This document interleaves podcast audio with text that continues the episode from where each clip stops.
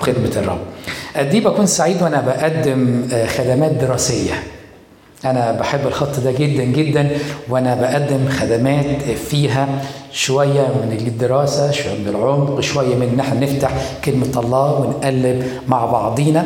وزي ما قال الأسيس أمين إن إحنا ده خطنا طوال سنة 2024 وإحنا مركزين على الشعار بتاعنا اللي جه في عبرانيين. هتتعب معايا كتير أنا عارف. عبرانيين 4 12 عن كلمة الله حية وفعالة وإحنا لما بنتكلم عن الكلمة مش بنتكلم عن مجرد إن إحنا جايين ندرس الكلمة.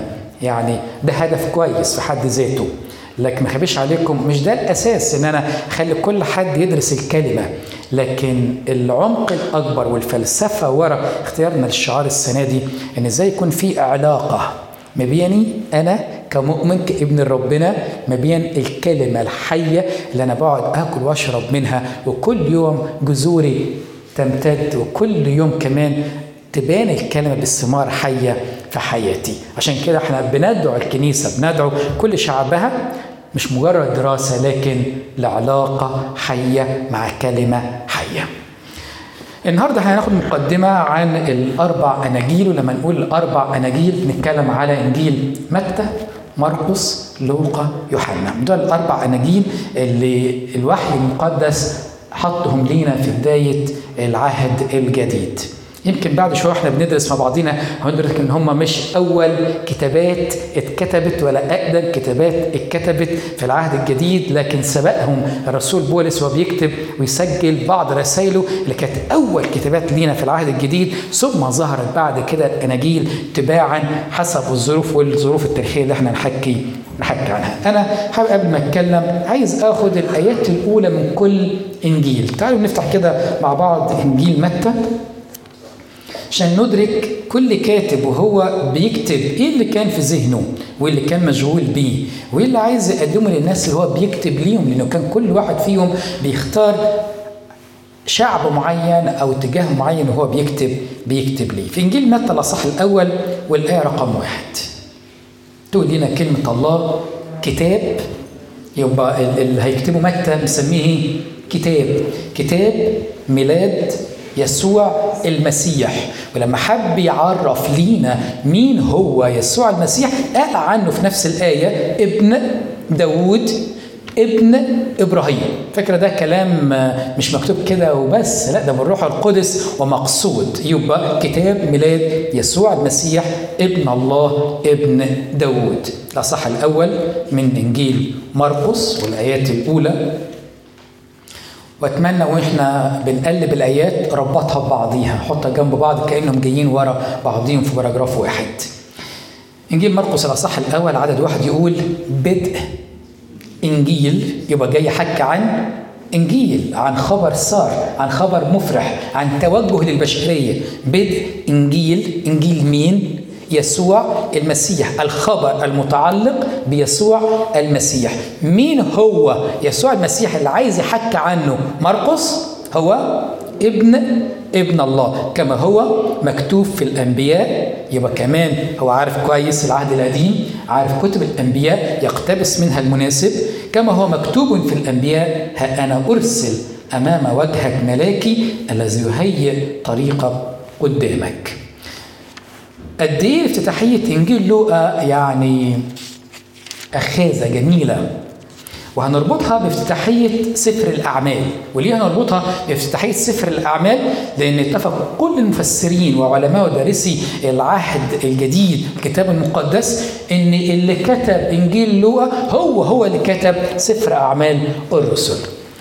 يقول كده في الأصح الأول ده من العدد الأول برضو إذ كان كثيرون قد أخذوا بتأليف قصة في الأمور المتيقنة عندنا. يعني إذا ولوقا بيكتب الكلام ده لواحد اسمه ثوفيلوس العزيز المقرب ليه اللي سمع أخبار المسيح غالبا كان في كتابات بدأت تتكتب عن حياة الرب يسوع المسيح أقواله معجزاته تعليمه. عشان كده بيقول إذ كان كثيرون قد أخذوا بتأليف قصة في الأمور المتيقنة عندنا كما سلمها إلينا الذين كانوا منذ البدء معينين وخداما للكلمة. رأيت أنا أيضا وركز في عدد ثلاثة رأيت أنا أيضا إذ قد تتبعت كل شيء من الأول بتدقيق مش بيكتبوا بس تمام؟ لا ده مدقق جدا جدا وهو بيتتبع كل الأحداث والأخبار. أن أكتب على التوالي إليك أيها العزيز ثوفيلوس لتعرف صحة الكلام الذي علمت علمت به. افتتاحية أعمال الرسل عشان نربطها بلوقا وهو بيكمل ليه القصة بيكمل ليه الحكاية. الصح الأول من سفر أعمال الرسل. الكلام الأول أنشأته يا ثوفيلوس عن جميع يبقى الكلام الأول يقصد به إنجيل مين؟ الإنجيل اللي كتبه إنجيل لوقا. الكلام الأول أنشأته يا ثوفيلوس عن جميع ما ابتدأ يسوع يفعله ويعلم به. إذا الكتاب الأول أو ما أطلقنا عليه الإنجيل بحسب البشير لوقا ده كان بيرصد فيه كل ما قاله يسوع وكل ما فعله يسوع إلى اليوم الذي ارتفع فيه بعدما اوصى بالروح القدس الرسل الذين اختارهم الذين أراهم أيضا نفسه حيا ببراهين كثيرة بعدما تألم وهو يظهر لهم أربعين يوما ويتكلم عن الأمور المختصة بملكوت الله. كأنه بيشاور لنا ويقول لنا إن كان في قضية كبيرة المسيح بيركز عليها بيبرزها لينا من بداية إنجيله اللي اتكلم عنه مرقس إلى اللحظات دي هو ملكوت ملكوت الله. الآيات الأخيرة افتتاحية إنجيل يوحنا لنا كمان افتتاحية جميلة ورائعة وأنتم حافظين الكلمات فأتمنى تقولوا معايا. في البدء كان الكلمة والكلمة كان عند الله وكان الكلمة الله. هذا اللي هو الكلمة يسوع المسيح اللوجوس عقل الله المفكر. هذا كان في البدء عند عند الله. أسأل سؤال. إنجيل متى؟ اتفضلوا عشان ما تبكمش اتفضلوا إنجيل متى في الآية الأولى كان بيتكلم عن يسوع المسيح بصفته؟ ابن داوود ابن إبراهيم وهنعرف ليه بعد شوية. ولما مرقس حب يحط الافتتاحية بتاعت إنجيله بدء إنجيل يسوع المسيح قال عنه إيه؟ ابن ابن الله. لكن هنا بياخدنا كمان لورا أبعد لورا أبعد. يعني مش داوود بس ومش إبراهيم بس وكمان مش ابن آه بعد شوية نشوف في إنجيل لوقا كمان بيتكلم في السجل نسب يسوع المسيح لحد آدم. فليه يوصل بنسب المسيح لحد آدم؟ عايز يقول إيه للناس اللي بيكتب ليهم؟ لكن كمان يقول عنه ابن الله. ويجي هنا في إنجيل يوحنا ياخدنا قبل الأزل قبل الأزل. هذا كان في البدء عند عند الله. كل شيء به كان. وبغيره لم يكن شيء مما كان فيه كانت الحياة والحياة كانت نور كانت نور الناس. الكتاب المقدس مش كتاب تاريخ مع إنه بيحكي عن بيحكي عن تاريخ. لكن لما حب يحكي عن تاريخ خلينا خط معين علشان عايز يوصل بينا للنقطة اللي إحنا بنتكلم عنها بداية العهد الجديد وعن مجيء يسوع المسيح في ملء في ملء الزمان. فخد خط معين في التاريخ من خلاله بيسرد إزاي الله أعلن عن نفسه للبشرية. إزاي الله أعلن عن نفسه؟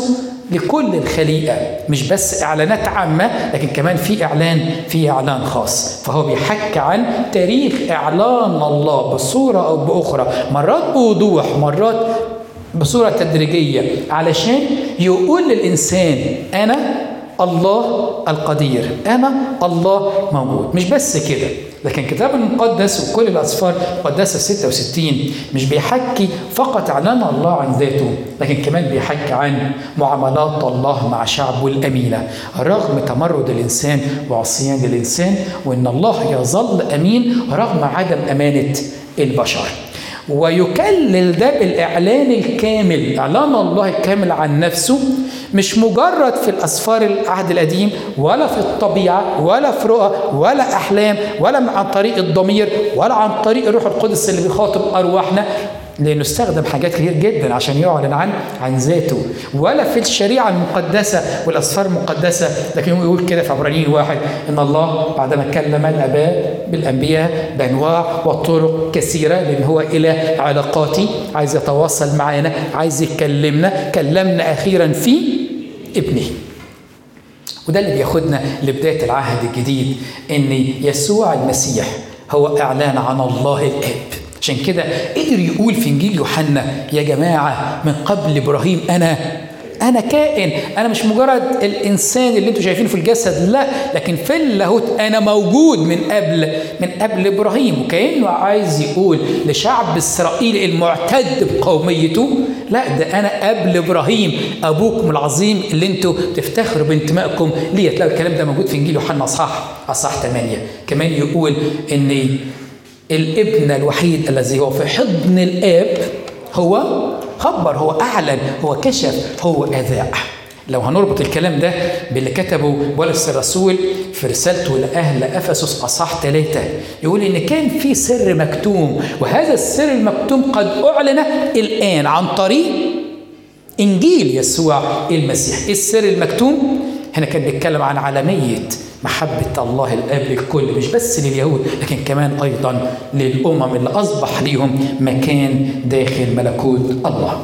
كمان الكتاب المقدس مش مجرد أقوال مأثورة أو مبادئ أخلاقية عامة. أقدر أقول كده لما بنقرأ تعاليم بوذا نقول عنها تعاليم وأقوال مأثورة. لما نقرأ تعاليم كونفوشيوس نقدر نقول عنها يعني مبادئ أخلاقية راقية جدا جدا ترقى بالإنسان. فهل يا ترى الكتاب المقدس والأناجيل وتعليم يسوع برضه هي أقوال مأثورة ومبادئ أخلاقية؟ لا. هي بالفعل مبادئ أخلاقية جميلة لكن هي مش مجرد مبادئ أخلاقية أعمق بكتير من كده. ده بتحكي عن إعلان الله عن حياة المسيح مخلص البشرية. كان الاهتمام الأكبر للتلاميذ وكتاب الأناجيل الأربعة ولما بنقول إنجيل عشان بس نصحح معلومة في أذهان بعض الناس إحنا ما عندناش أربع أناجيل لكن إحنا عندنا الإنجيل ويفترض نقول كده ما نقولش إنجيل متى لكن لو هنكون منضبطين أكتر هنقول إن الإنجيل حسب البشير متى أو حسب الرؤية اللي كتب من خلالها متى البشير وهكذا باقي الكتاب الأناجيل الأربعة. الأربعة بيلخصوا لينا حياة وأقوال وتعاليم يسوع المسيح. لكن كان كل واحد بيكتب من الزاوية اللي عايز يكتب منها أو شايف الأحداث من بؤرة معينة فبيسجل من خلالها ويتكلم عن يسوع ويربطه بالناس اللي هيكتب ليهم فيحاول يختار الكلام المناسب الأفكار المناسبة الاقتباسات المناسبة من العهد القديم كمان ويكون بيوصل بيها إنجيل يسوع المسيح للكتاب. فحاول في الأربع اناجيل يدونا صورة كبيرة عن من هو يسوع المسيح إعلان هوية يسوع المسيح. اتحطت ليه الأربع أناجيل في بداية الأربع أناجيل زي ما قلنا إن هي مش أول كتابات. لا ده بولس الرسول كان هو أول كاتب للرسائل في العهد الجديد. يعني هو اللي كتب مبكرا الرسائل. ويقال كده إن إنجيل متى ومرقس ولوقا غالبا كتبوا ما بين 60 ل 70 ميلادية قبل خراب أورشليم. وإن إنجيل يوحنا اتكتب بعد خراب أورشليم يعني بعد سنة 70 ميلادية. ويمكن هو أكثر آه كاتب عاش وعمر يمكن بدأ في اليهودية وفي أورشليم لكن ختم حياته بعد كده في مدينة أفسس وهو متقدم في الأيام وشبعان في الأيام وهو بيبص لورا ويسجل لنا قصة يسوع المسيح المحب لكل لكل العالم. كانت الحاجة ملحة لكتابة سجل يحفظ حياة وأقوال يسوع المسيح. فالسؤال اللي بيطرح نفسه قدامنا هل يا ترى الأربع اناجيل سجلت لينا كل اللي قاله يسوع؟ هل يا ترى الأناجيل الأربعة سجلت لنا كل معجزات المسيح؟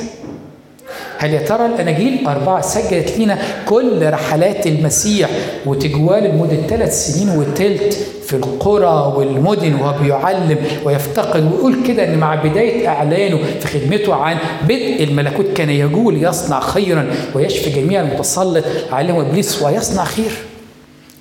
لا عشان كده انجيل يوحنا ختم الكاتب الجميل. يوحنا وقال إن لو كتبت كل أقوال المسيح والأعمال اللي عملها لا يسع كل الكتب لا تسع كل اللي عمله يسوع المسيح. لكن قال كده مجرد عينة حاجة صغيرة بتوري للناس مين هو يسوع المسيح. فكانت الحاجة ملحة مع الوقت والزمن والتقدم.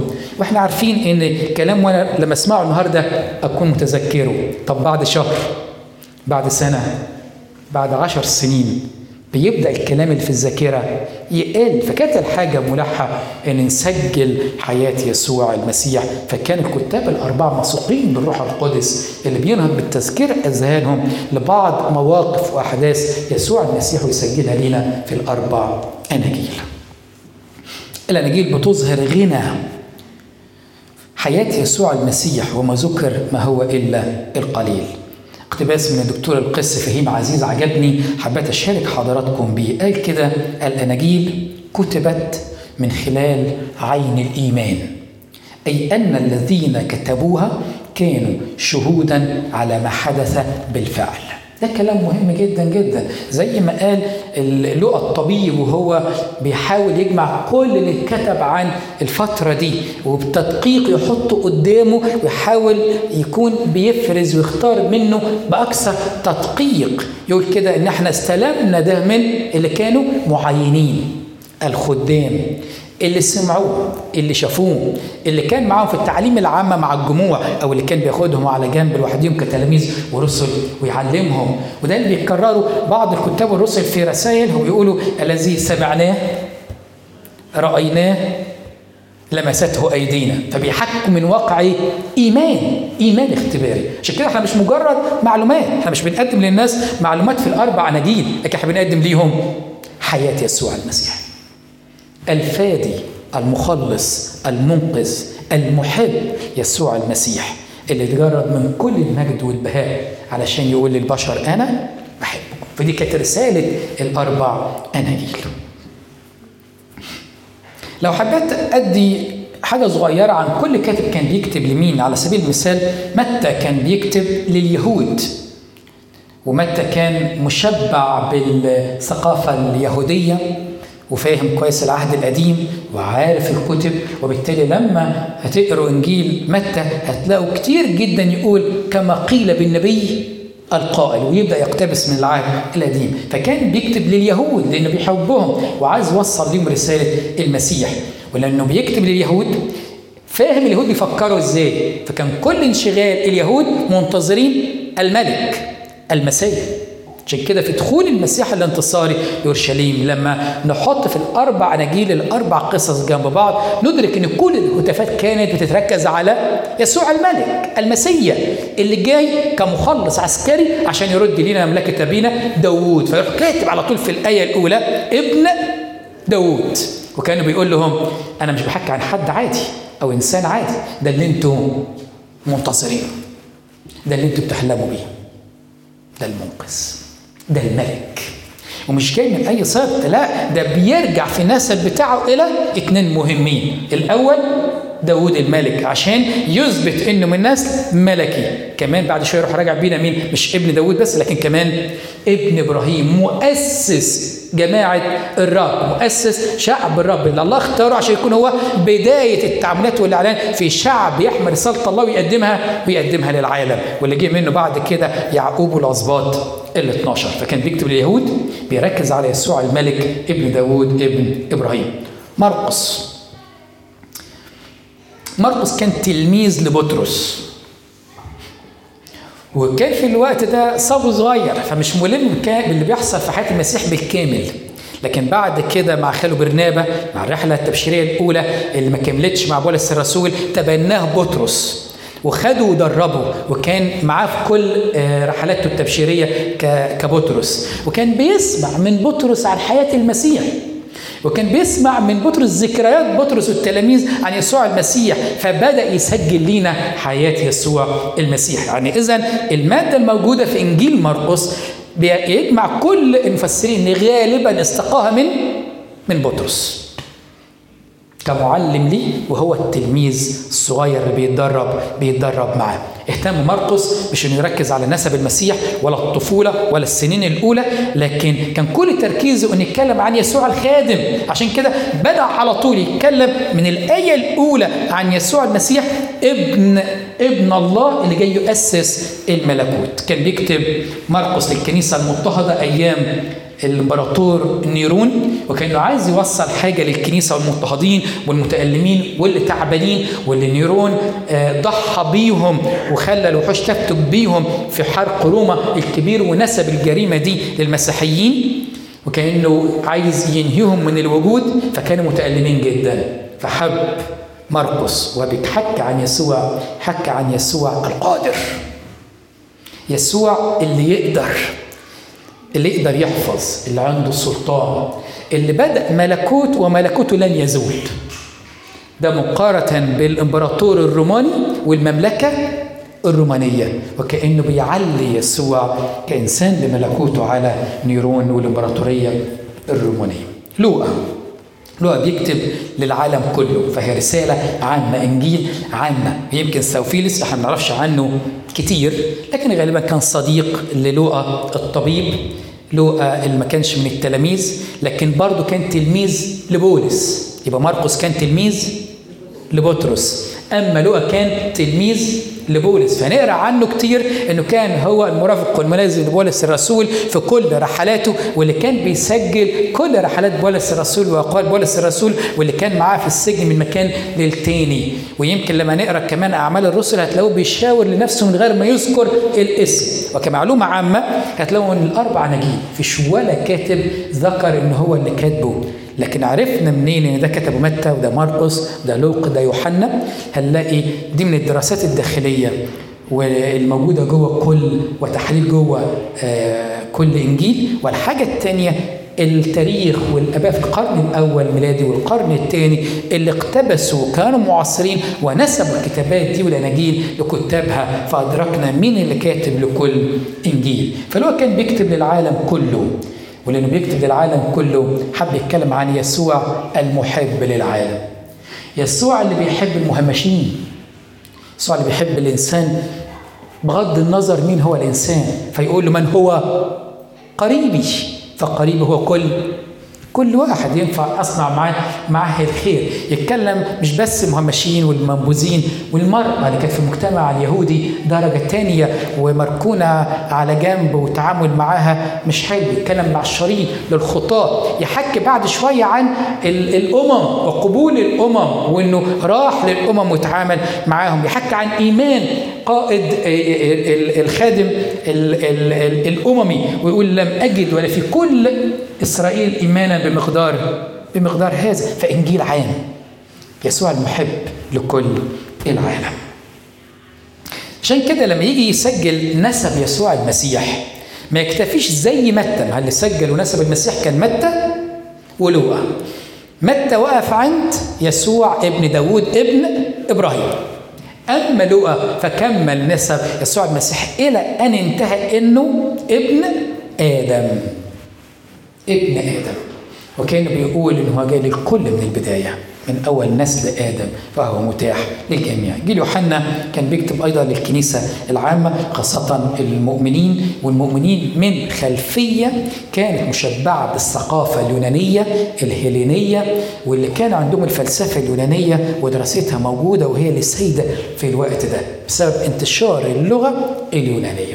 علشان كده هنلاقيه اهتم من أول آية بيستخدم بعض المرادفات اليونانية المهمة زي الكلمة واللي جت في اللغة اليونانية بمعنى اللوجوس. واللوجوس عند اليونانيين هو عقل الله المفكر فهو الله فهو الله.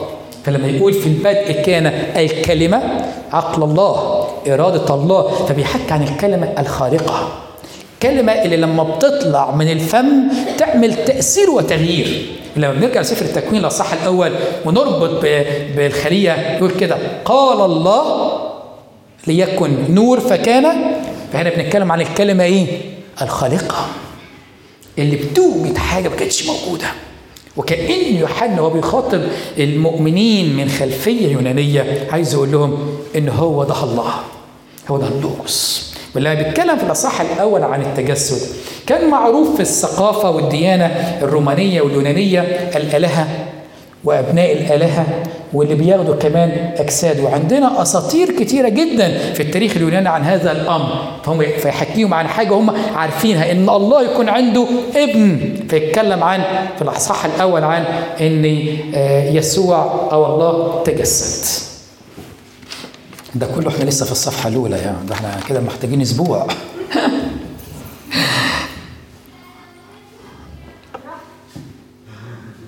دي بنتي بتقول لي براحتك يعني عماله تعاكسني من تحت. دي كانت مقدمة سريعة لكن محتاج أقف قدام كل إنجيل. كلام حلو زي ما قلت لكم الحاجة الدراسية رائعة. إنجيل متى؟ قالوا معظم مفسرين الكتاب عنه إن متى اهتم إن يجمع أقوال المسيح. يعني ما يقولش إن دي حصلت اليوم الأول ده التاني ده التالت لأ يجمع الأقوال في موضوعات فهتلاقوا إنجيل متى في خمس تجمعات لتعاليم المسيح كبرى بتبدأ بالموعظه على الجبل اللي هي كام أصحاح؟ خمسة وستة وسبعة تمام؟ معظم المفسرين بيقولوا إن المسيح ما قالهاش في موقف واحد لكن متى جمعها كلها في موقف واحد.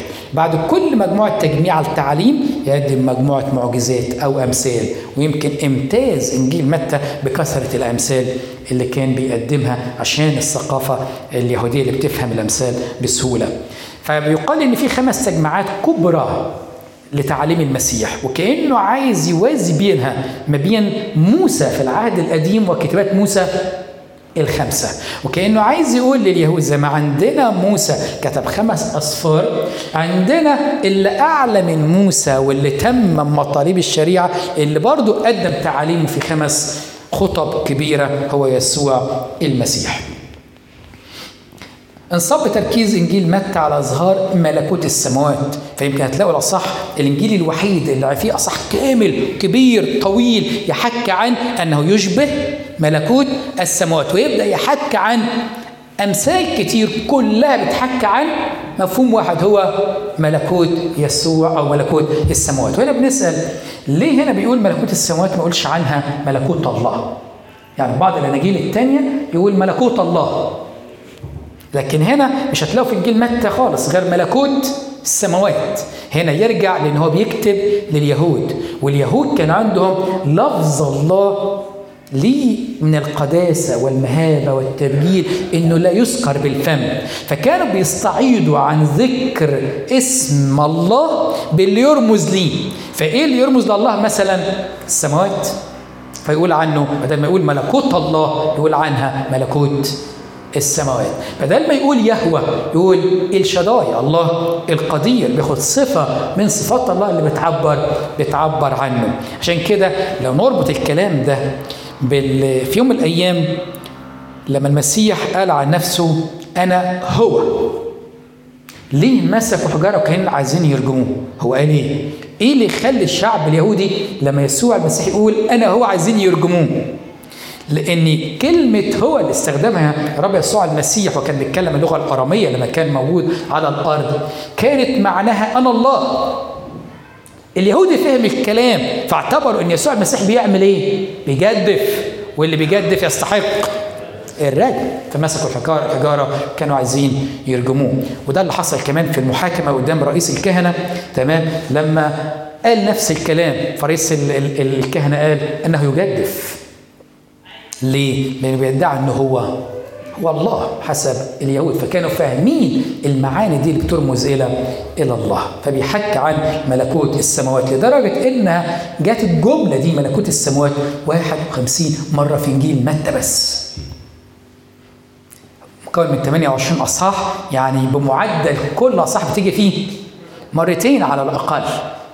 ده عايز كأنه عايز يبرز لنا أهمية فكرة ملكوت الله في ذهن اليهود. عشان كده ما تهتم بيها. حل التلاميذ ال 12 بديلا للأسباط ال 12 اللي كانوا موجودين في العهد القديم. وهنا كان عايز يقول متى إن ده تدرج طبيعي اللي فشل فيه الشعب في العهد القديم في المسيح تم وكمل. وتم اختيار 12 تلميذ اللي بدأوا تكوين للكنيسة في العهد الجديد اللي هي أصبحت بديل لشعب إسرائيل في العهد القديم. إذا أنا وإنتم من ضمن شعب شعب الله إحنا بنكمل المسيرة اللي بدأها يسوع المسيح في العهد الجديد.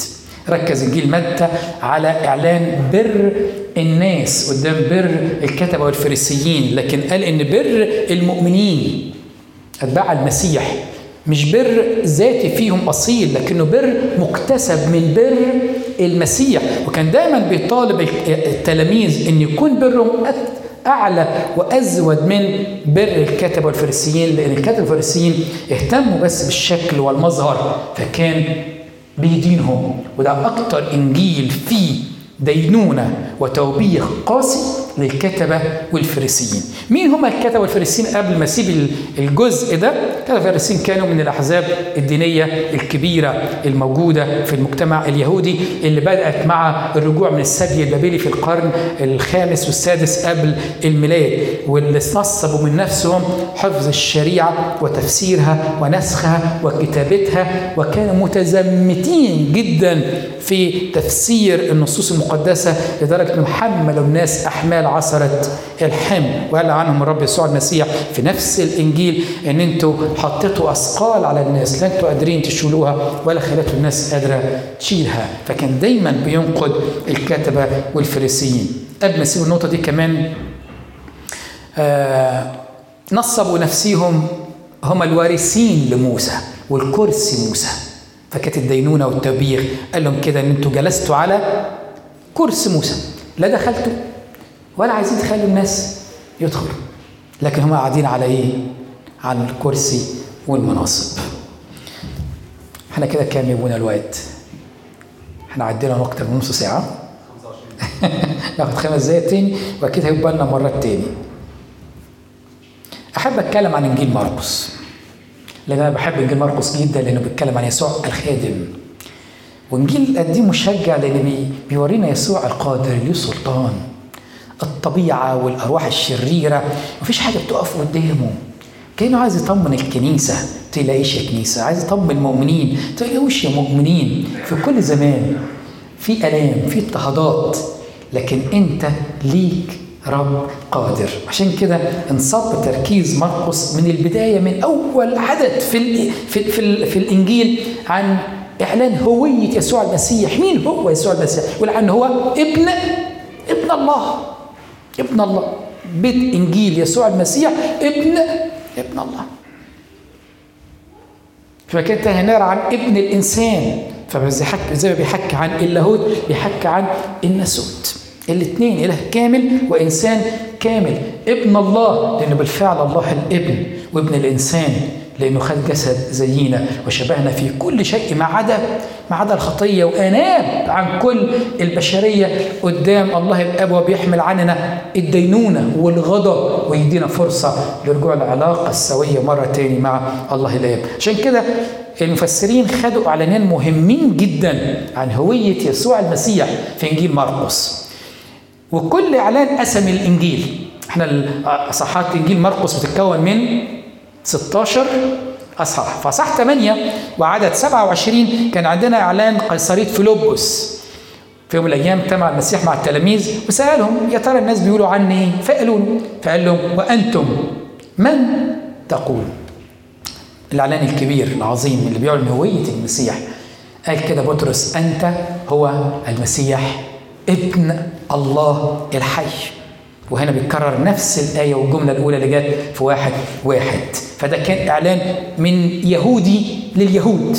تلاميذ اللي كانوا بيسمعوا الإعلان. لكن كان عندنا الإعلان الثاني المكمل اللي عايز يقدمه مرقس في إنجيله عن من هو يسوع المسيح اللي مش جاي بس لليهود وهذا الإعلان العظيم. لكن كمان في إنجيل مرقس 15 39 عند الصليب يقف قائد المئة اللي شاف كل الأحداث اللي بتتم من ضلمة من آه زلزال ومن آه إنسان معلق بريء فقال كده حقا كان هذا الإنسان ابن الله.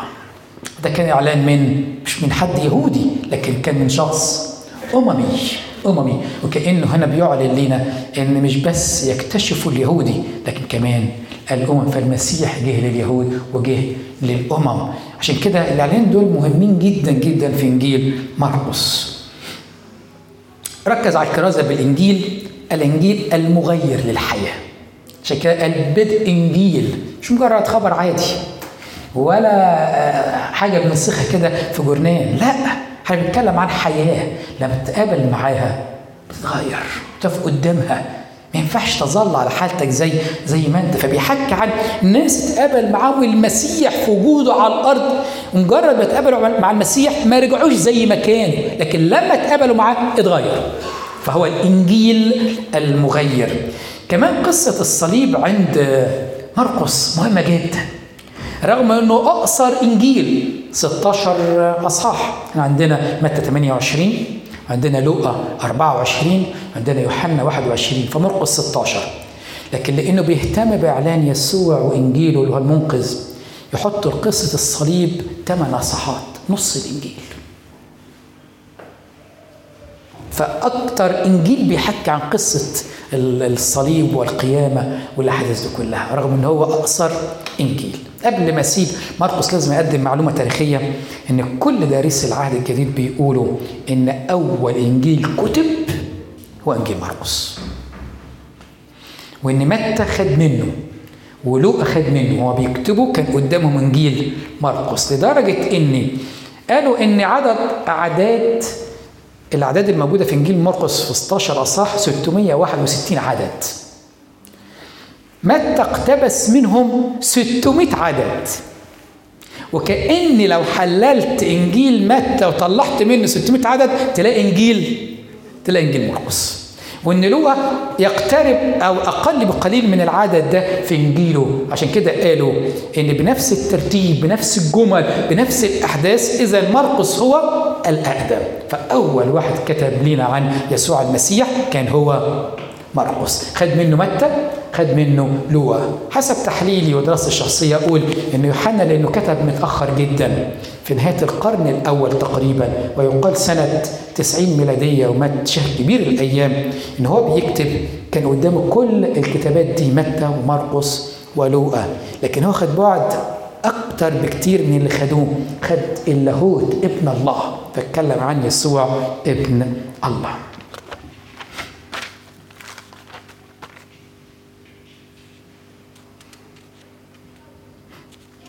آخد حاجة صغيرة أختم بيها لكن يظل الكلام كتير على الاناجيل الأربعة الموضوعات إحنا ما جاش الموضوعات اللي فيها الاناجيل الأربعة. يهمني جدا وأنا بحكي عن الأربع اناجيل أحكي عن التلاميذ. يا ترى وهم بيكتبوا عن نفسهم. كتبوا إزاي في العادة وحسب عادتنا البشرية إن لما أكتب عن نفسي أكتب إيه؟ الحاجة الحلوة. لما أسجل وأذكر شخصنا مش مش مش هروح للسلبيات لكن هروح لإيجابيات لكن روعة الوحي المقدس سواء في العهد القديم أو في العهد الجديد.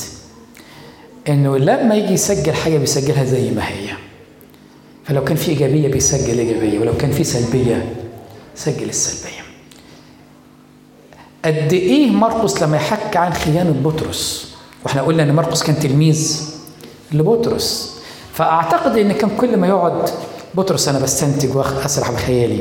ويحكي مع مرقس ويقول له أنا ندمان ان في الوقت اللي كان المسيح عايزني أكون جنبه وأكون سنده وأكون أنا أقرب الناس ليه وأكون قد الكلام اللي أنا قلته لو اضطررت أن أموت مكانه. لكن لما جه الوقت العملي يا يا مرقس هربت وسبيت والعد أنا ندمان. وبعد كده يخدموا شوية. بعد كده يقعدوا في قعدة تاني والدنيا حلوة بعضيهم. مرقس وبطرس. وبرضه القصة تيجي على ذهن مين؟ بطرس فيحكي مرقس فلما يجي مرقس يكتب ما يدافعش عنه أستاذ ولكن يكتب اللي حصل. اللي حصل. فالأربع اناجيل مش بتقدم لينا إن التلاميذ كنموذج إيجابي مبهر ورائع وانهم معصومين من الخطأ. خالص. تقدمهم لينا كبشر عاديين. لهم سلبياتهم لهم ضعفاتهم ورغم هذا تنتهي الأربع أناجيل بإعلان محبة المسيح فيهم وإعلان الثقة فيهم وائتمانه ليهم على القضية الكبيرة بتاعت يسوع ملكوت. يأتمنهم على كنيسه والملكوت. إيه يا رب ده؟ إيه يا رب ده؟ كأن الله عايز يوصل رساله لكل واحد فينا. بحبك بالرغم من عايزك بالرغم من هستخدمك بالرغم منه. باب مفتوح لكل حد فينا سلبياته وضعفاته يسوع محب العالم اللي جاي للإنسان مازال إيده ممدودة وبابه مفتوح. تعالوا نصلي.